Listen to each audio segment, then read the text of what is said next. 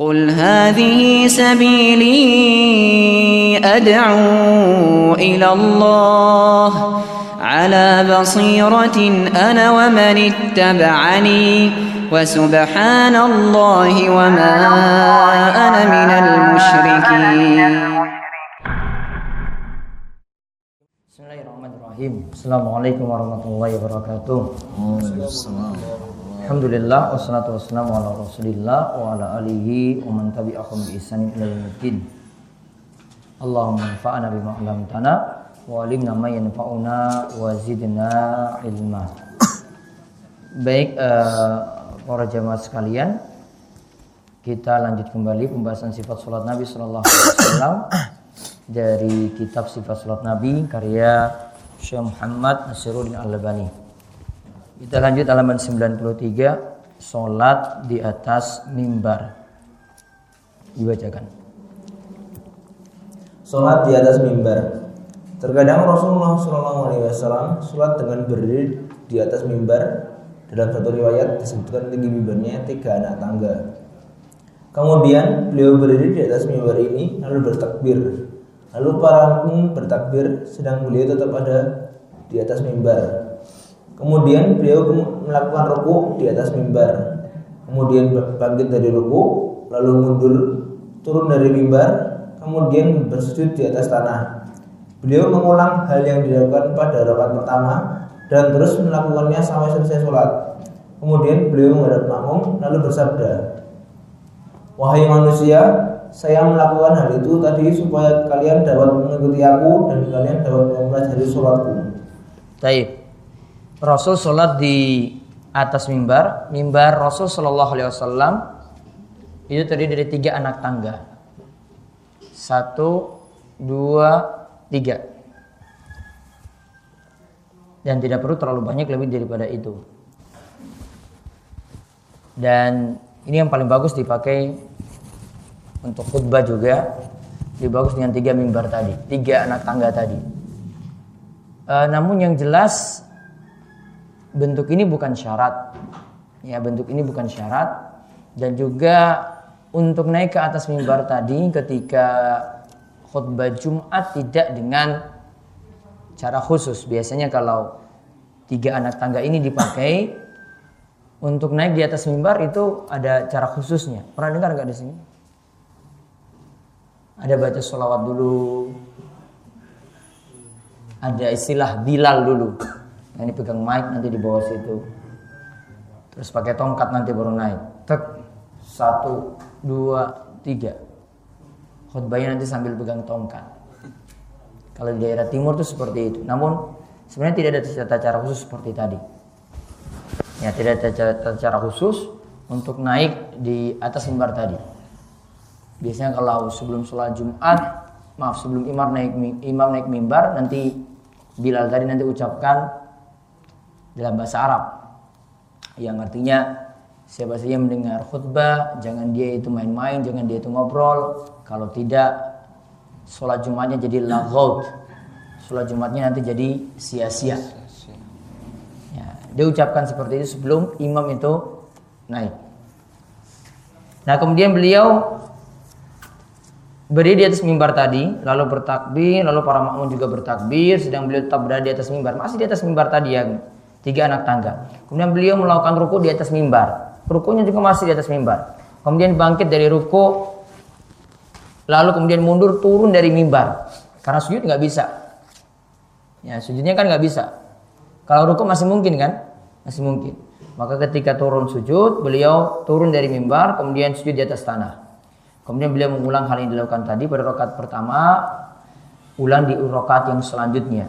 Kemudian beliau katakan, saya melakukan seperti ini supaya kalian tahu gimana sholatku. Jadi bisa ditiru sholat dari Nabi Shallallahu Alaihi Wasallam. Intinya kesimpulannya masih boleh sholat di atas mimbar. Masih boleh sholat di atas mimbar. Kemudian yang kedelapan. Delapan, kewajiban memasang sutroh atau atau pembatas. Memasang sutroh atau pembatas. Nabi Shallallahu Alaihi Wasallam berdiri di sholat dekat sutroh atau pembatas yang jarak antara beliau dengan pembatas di depannya tiga hasta. Hasta. Tiga hasta. Jarak dari berdiri sampai ke sutra tadi tiga hasta. Jarak dari berdiri sampai ke sutra tadi tiga hasta. Nabi SAW berdiri menghadap sutra. Terus Jarak antara tempat sujud dengan pembatas tersebut kurang lebih cukup untuk dilewati seekor anak kambing. Jarak tempat sujud dengan pembatas tadi. Tempat sujud. Baina mau disujudi. Tempat sujud berarti kepalanya kan? Dengan sutra bisa dilewati anak kambing. Berarti tidak terlalu mepet. Antara tempat sujud dengan sutra.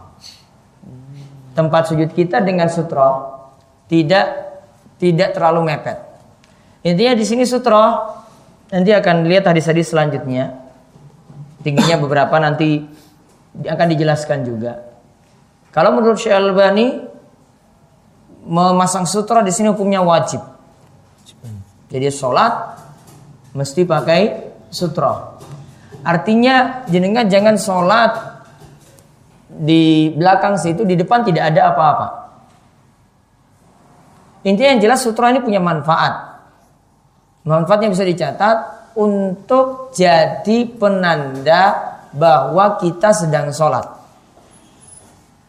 Manfaat sutra untuk jadi penanda bahwa kita sedang sholat. Manfaatnya besar. Nah kalau menurut Syekh Albani sini wajib, menurut jumhur atau kebanyakan ulama hukumnya sunnah. Menurut jumhur atau kebanyakan ulama hukumnya sunnah. Dan insya Allah ini yang lebih tepat. Namun ingat ya ini bukan syarat. Ini bukan syarat untuk sholat.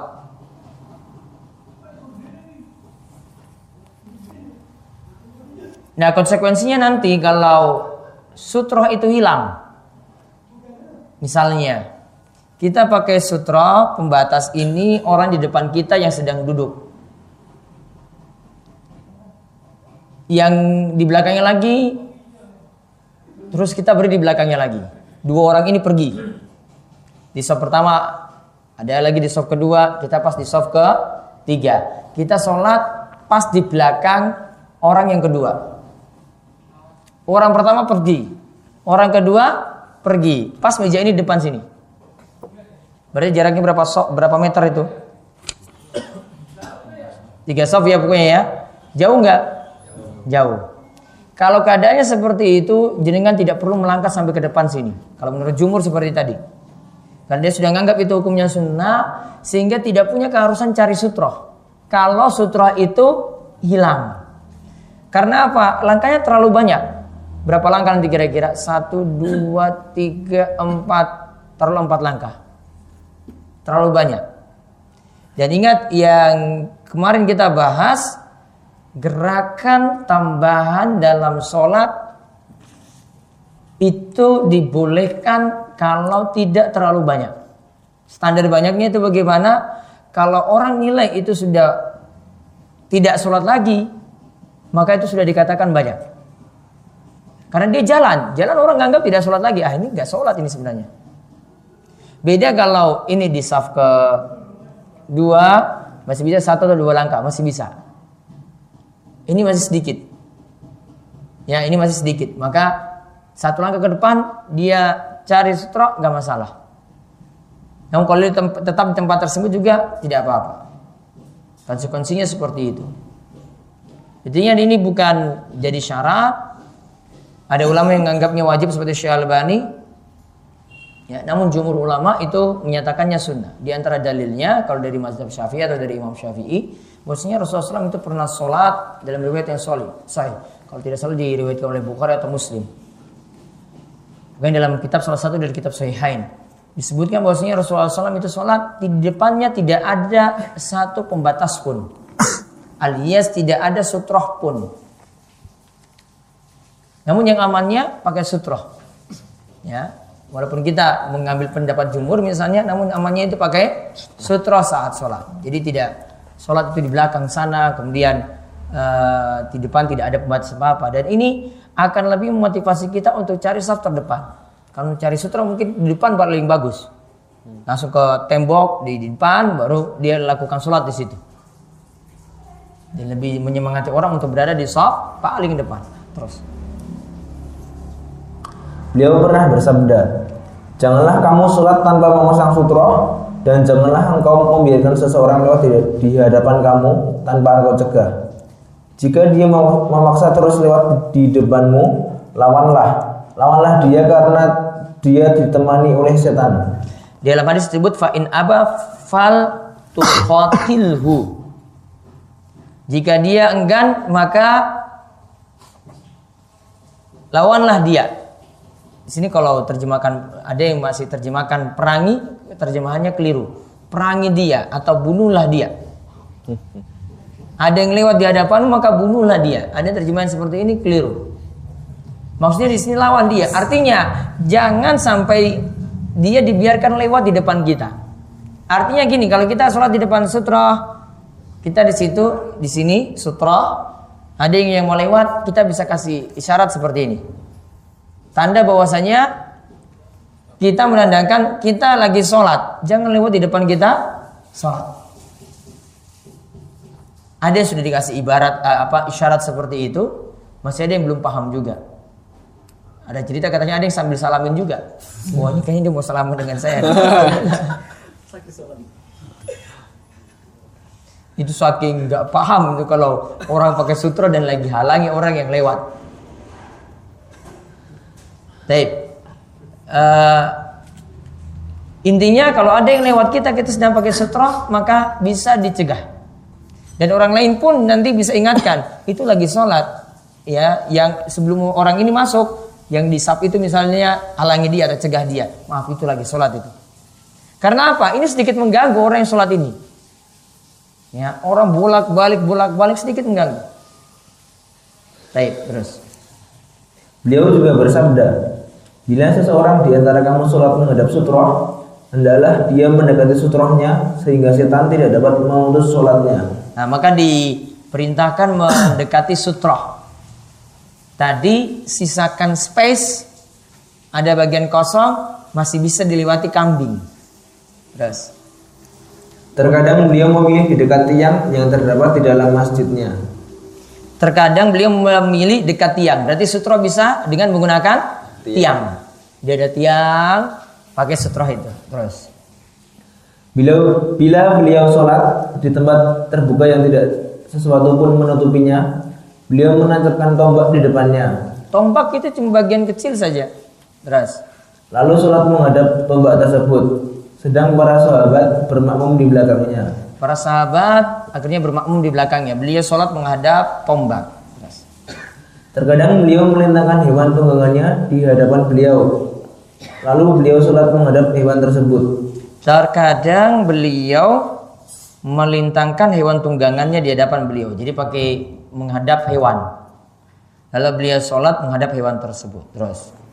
Hal ini berbeda dengan kasus sholat di kandang unta karena sholat di tempat tersebut terlarang. Kalau sholat di depan itu yang jadi sutroh itu unta boleh. Namun kalau sholat di kandang unta nggak boleh. Sholat di kandang unta nggak boleh. Namun kalau sholat depannya itu yang jadi sutroh itu unta boleh. Terus. Terkadang beliau mengambil, mengambil pelana lalu meletakkannya di depan beliau. Kemudian beliau sholat menghadap ke arahnya. Pelana itu pendek, tidak terlalu tinggi. Ya, pelana untuk kuda itu. Pelana untuk kuda itu tidak terlalu tinggi. Terus. Beliau pernah bersabda, jika seseorang di antara kamu telah mengatakan benda atau barang setinggi kayu bagian belakang pelana, sholatlah dengan tidak perlu menghiraukan orang yang lewat di sebelah yang tersebut. Di sebelah yang tersebut. Ini ini sutroh. Cuma satu tombak misalnya. Atau ini tiang.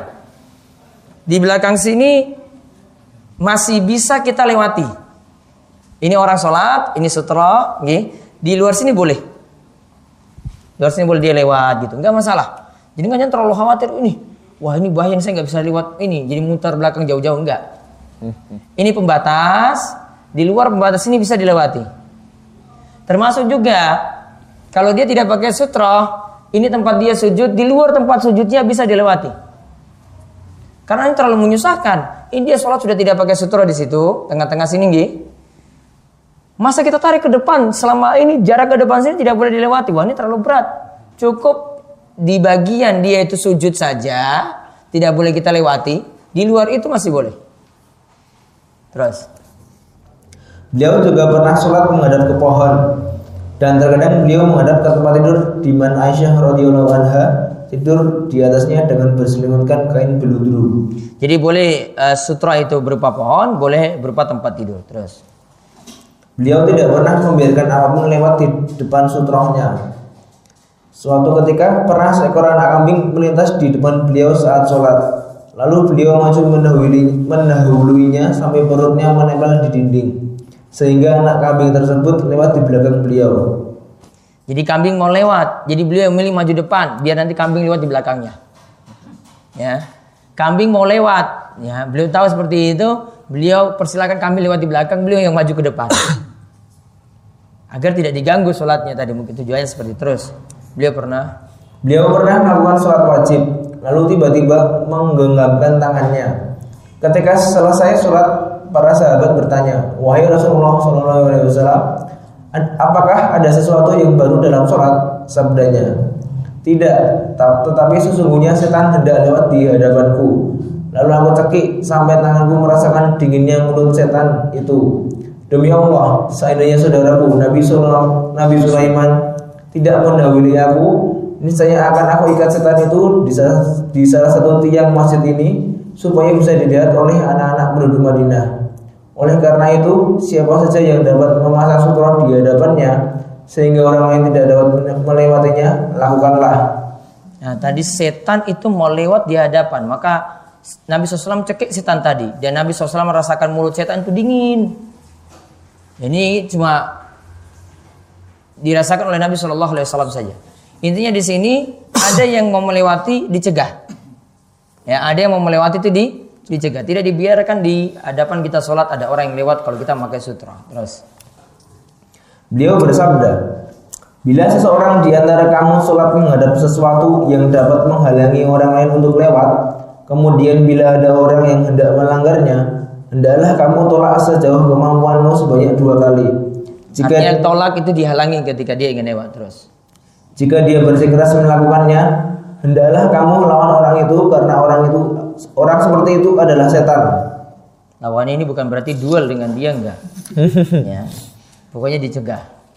Terus beliau pun pernah bersabda. Beliau pun pernah bersabda, sekiranya orang yang lewat di depan orang yang sedang sholat tahu betapa besar dosanya, ia lebih baik berdiri selama 40 masa terjemahan di depan orang itu daripada melaluinya itu diberi tanda 40 tahun. Ya, dalam riwayat lain diberikan keterangan 40 tahun. Masa itu maksudnya tahun. Jadi inilah poin pentingnya di sini.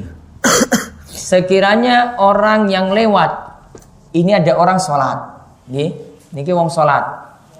Terus ada yang lewat di hadapan orang yang sholat tadi. Kata Nabi SAW mending dia itu diam selama 40 tahun daripada lewat di depan orang yang sholat. Ini menunjukkan ancaman gak boleh lewat di depan orang yang sholat. Kalau ini wilayah dia sholat. Ya, kalau ini wilayah dia sholat tidak boleh lewat di depannya. Ini juga jadi dalil pentingnya memakai sutroh ketika itu. Jadi kesimpulannya yang bisa kita uh, simpulkan dari dalil yang ada tadi yang jelas di sini tinggi sutroh tidak dijelaskan dengan dalil khusus. Yang kita dapati di sini tinggi sutroh setinggi pelana.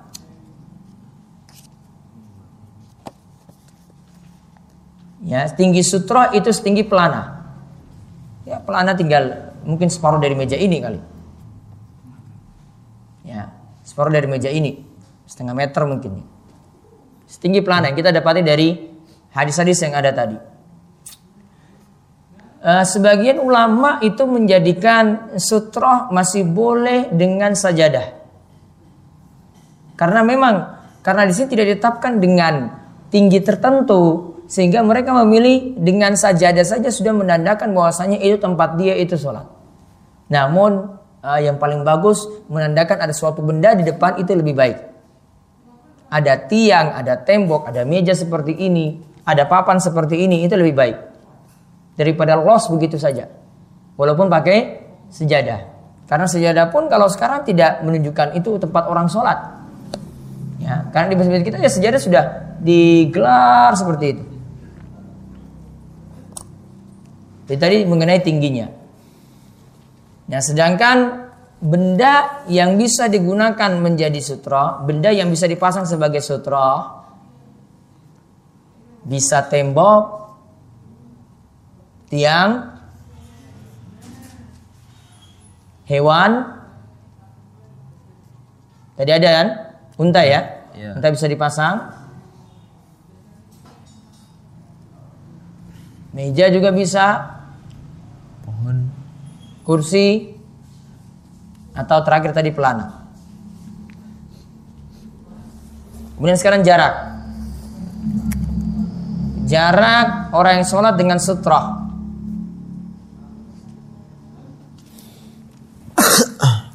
Yaitu tiga hasta. Jadi kan selasa zira. Salah satu azru. Tiga hasta. Lalu ada ruang antara tempat sujud, antara sujud dengan sutra. Ruangnya berapa tadi? Bisa dilewati dengan anak kambing.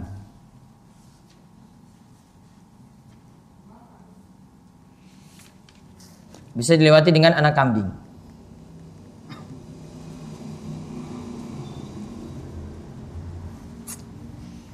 Kemudian kalau kita lihat dari hadis ada, ada yang tadi, ada yang disebutkan tadi, hendaklah menghalangi orang yang lewat di area sholat, di area sholat kita, menghalangi artinya dicegah. Nah, ditandain seperti ini.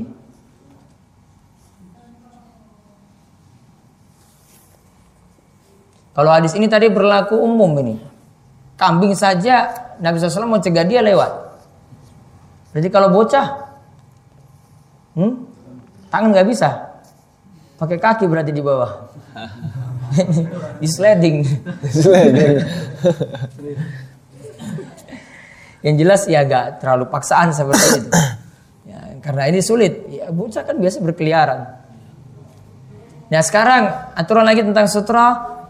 Sutrohnya makmum adalah sutrohnya imam. Sutrohnya makmum adalah sutrohnya imam. Maksudnya apa? Jamaah-jamaah atau makmum-makmum gak perlu pasang sutroh masing-masing. Ini kalau sudah jadi sutroh, di belakang itu tidak perlu pasang sutroh lagi, saf kedua juga tidak perlu, saf ketiga juga tidak perlu. Sudah cukup dengan sutrohnya imam. Berarti nanti kesimpulannya lagi, aturan lagi berikutnya, masih boleh lewat di depan makmum. Masih boleh lewat di depan makmum. Contoh di ada yang di saf pertama, ada lagi yang di saf kedua. Yang di saf pertama ini batal sholat, dia mau wudhu, dia lewati tadi, mungkin dia potong gini terus ke sana. Berarti kan jalan-jalan di depan makmum kan? Boleh. Kenapa boleh? Yang jadi sutra punya imam. Makmum enggak? Jadi sutra makmum itu sudah ada di sutranya Imam. imam. Sehingga masih boleh dilewati untuk keadaan ketika wudhu itu batal lewati jamaah yang ada. Masih boleh.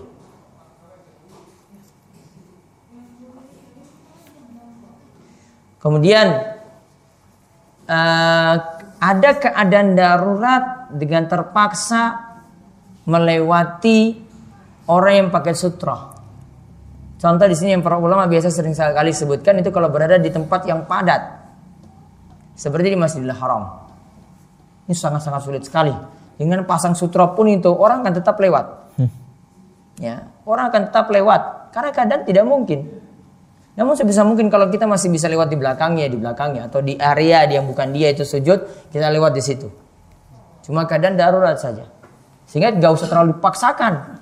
Jadi mau cegah dia, ya nggak bisa dia nggak ada jalan lain. Super super padat.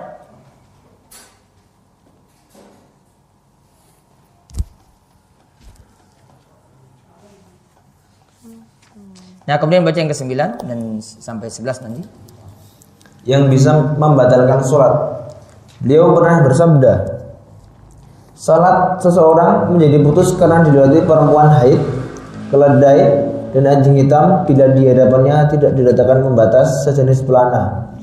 Kata Abu Dhar, saya bertanya, wahai Rasulullah SAW, apa bedanya antara anjing hitam dengan anjing warna lain? Sabdanya, anjing hitam adalah setan. Anjing hitam adalah setan.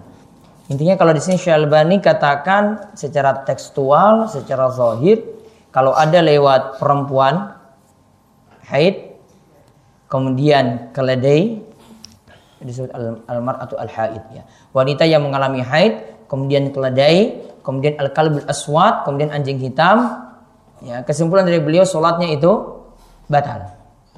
Ya, solatnya itu batal. Walau kalau pendapat jumhur ini tidak sampai batal. Ya, pendapat jumhur ini tidak sampai batal. Cuma mengurangi saja kesempurnaan sholatnya. Kemudian menghadap kubur. Menghadap kubur. Nabi Shallallahu Alaihi Wasallam melarang sholat menghadap kubur sebagaimana sabdanya. Janganlah kamu sholat menghadap kubur dan jangan pula duduk di atasnya. Taib. Ini jadi dalil juga selain dilarang sholat menghadap kubur, masih dibolehkan nantinya sholat jenazah. Namun kalau sholat yang lainnya tidak boleh yang ada ruku, yang ada sujudnya. Taruhlah niatannya itu untuk Allah. Namun karena ini adalah perantara, nanti orang-orang akan mengira bahwasanya nanti dia akan menyembah kubur tersebut. Sehingga ini tidak diperbolehkan. Walaupun niatannya itu untuk Allah Subhanahu wa taala sholatnya.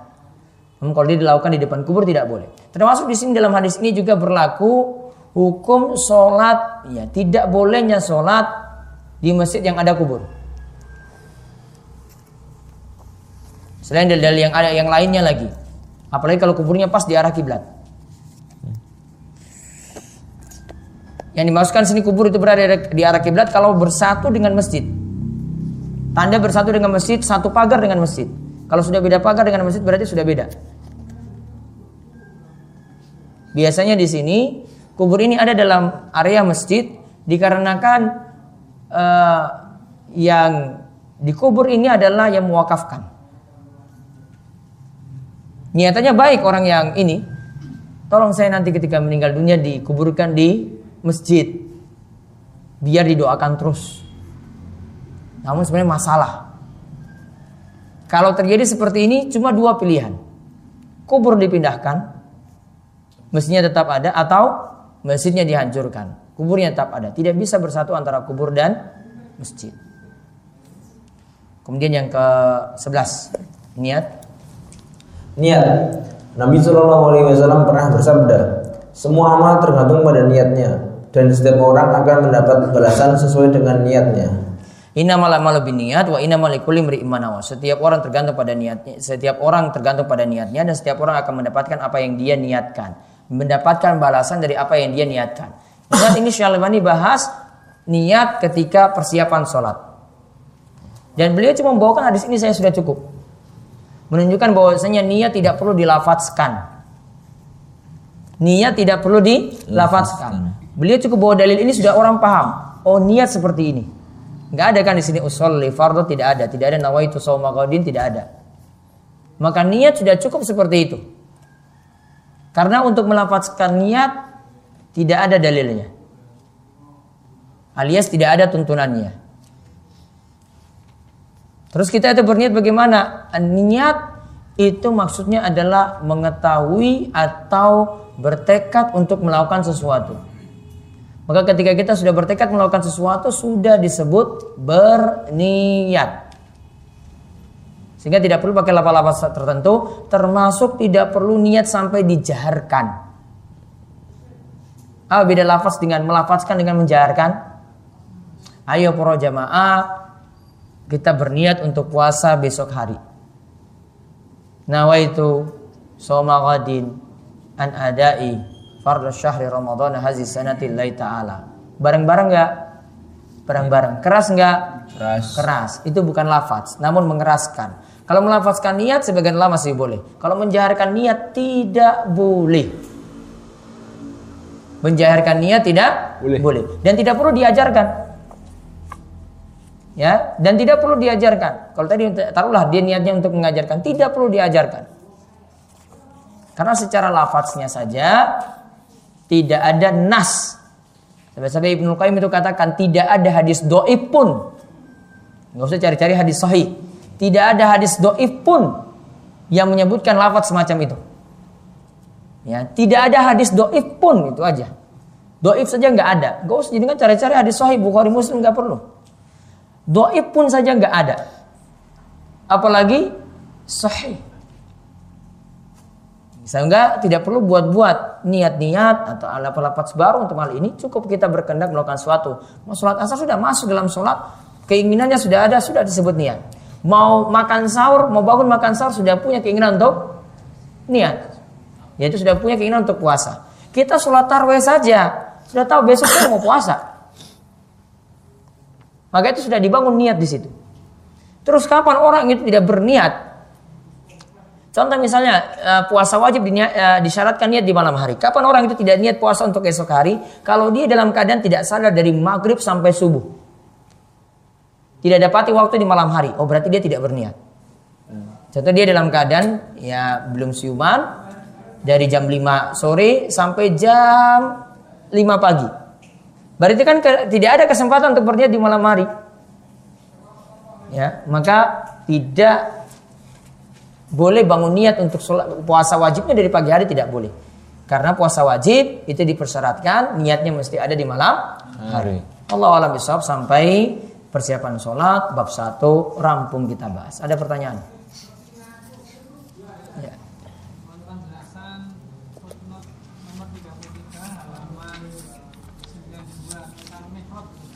Nanti ke Ya. Menurut sunnah mimbar itu mempunyai tiga anak tangga, tidak lebih. Tambahan lagi itu? Tambahan lagi dari tiga anak tangga itu merupakan bid'ah yang dibuat oleh dinasti Umayyah. Iya. Karena baru muncul ketika dinasti Umayyah. Kemudian akibatnya banyak soft yang mestinya tersambung menjadi terpotong. Itu mengatakan hal itu dibuatlah tempat khusus di masjid yang disebut mihrab. Ini juga merupakan bid'ah yang lain. Ya berarti Syekh Albani membid'ahkan mihrab. Dia sekungan seperti itu namanya mihrab.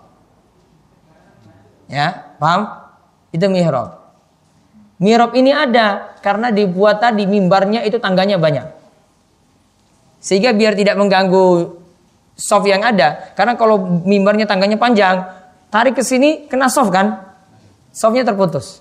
Maka dibuat menjorok ke dalam. Sehingga mimbarnya nanti di dalam mihrab tadi. Maka menurut beliau mihrab ini ada karena mimbar tadi itu awalnya dibuat tangganya lebih daripada tiga dulu. Kalau tangganya pendek tidak perlu pakai tidak perlu sampai mihrab itu ada. Maka beliau anggap seperti itu. Jadi kesimpulannya mihrab itu bid'ah menurut Syekh Albani. Namun kesimpulan yang tepat mihrab tidak bid'ah. Dia bagian dari fasilitas masjid yang penyebutannya juga tentang mihrab walaupun uh, pastinya ini pastinya tidak bisa dipastikan juga itu bentuknya seperti saat ini ada. Di beberapa ayat disebutkan dalam Al-Qur'an tentang masalah mihrab ini. Kalau tidak salah dalam kisah Maryam. Ya, kisah tentang Maryam itu disebutkan tentang mihrab. Yang jelas ini tidak termasuk dalam perkara tersebut. Ini ibarat seperti fasilitas. Ya, ibarat seperti fasilitas. Ya, ini menurut beliau seperti itu. Intinya untuk memfonis mirab itu bid'ah atau tidak para ulama beda pendapat. Namun yang tepat tidak. Jadi memang uh, beberapa poin untuk pembahasan bid'ah itu ada terjadi perselisihan. Contoh saja untuk bid'ahnya tasbih, biji tasbih atau tidak. Itu terjadi perselisihan. Ya, sebagian ulama bolehkan, sebagian ulama itu katakan itu bagian dari bid'ah. Sama seperti pembahasan mihrab. Sama juga membuat anak tangga itu lebih daripada tiga tangga, tiga anak tangga. Ya. Namun Allah ini tidak sampai masuk dalam bid'ah semacam itu. Contoh juga Syekh Al-Albani nanti dalam pembahasan sholat di sini uh, beliau dalam gerakan misalnya tak, uh, setelah bangkit dari ruku itu itidal dengan sedekap lagi beliau membid'ahkan. Ulama lain tidak. Ya, bahkan dalam ulama mazhab Hambali lebih afdolnya itu tangannya itu sedekap setelah bangkit dari rokok. Namun seperti ini si, si Albani fonis itu bid'ah. Jadi dalam memilih seperti ini para ulama beda pendapat. Yang tepat ya bahkan dalam mazhab Hambali itu suatu yang dianggap sebagai sunnah. Ada lagi?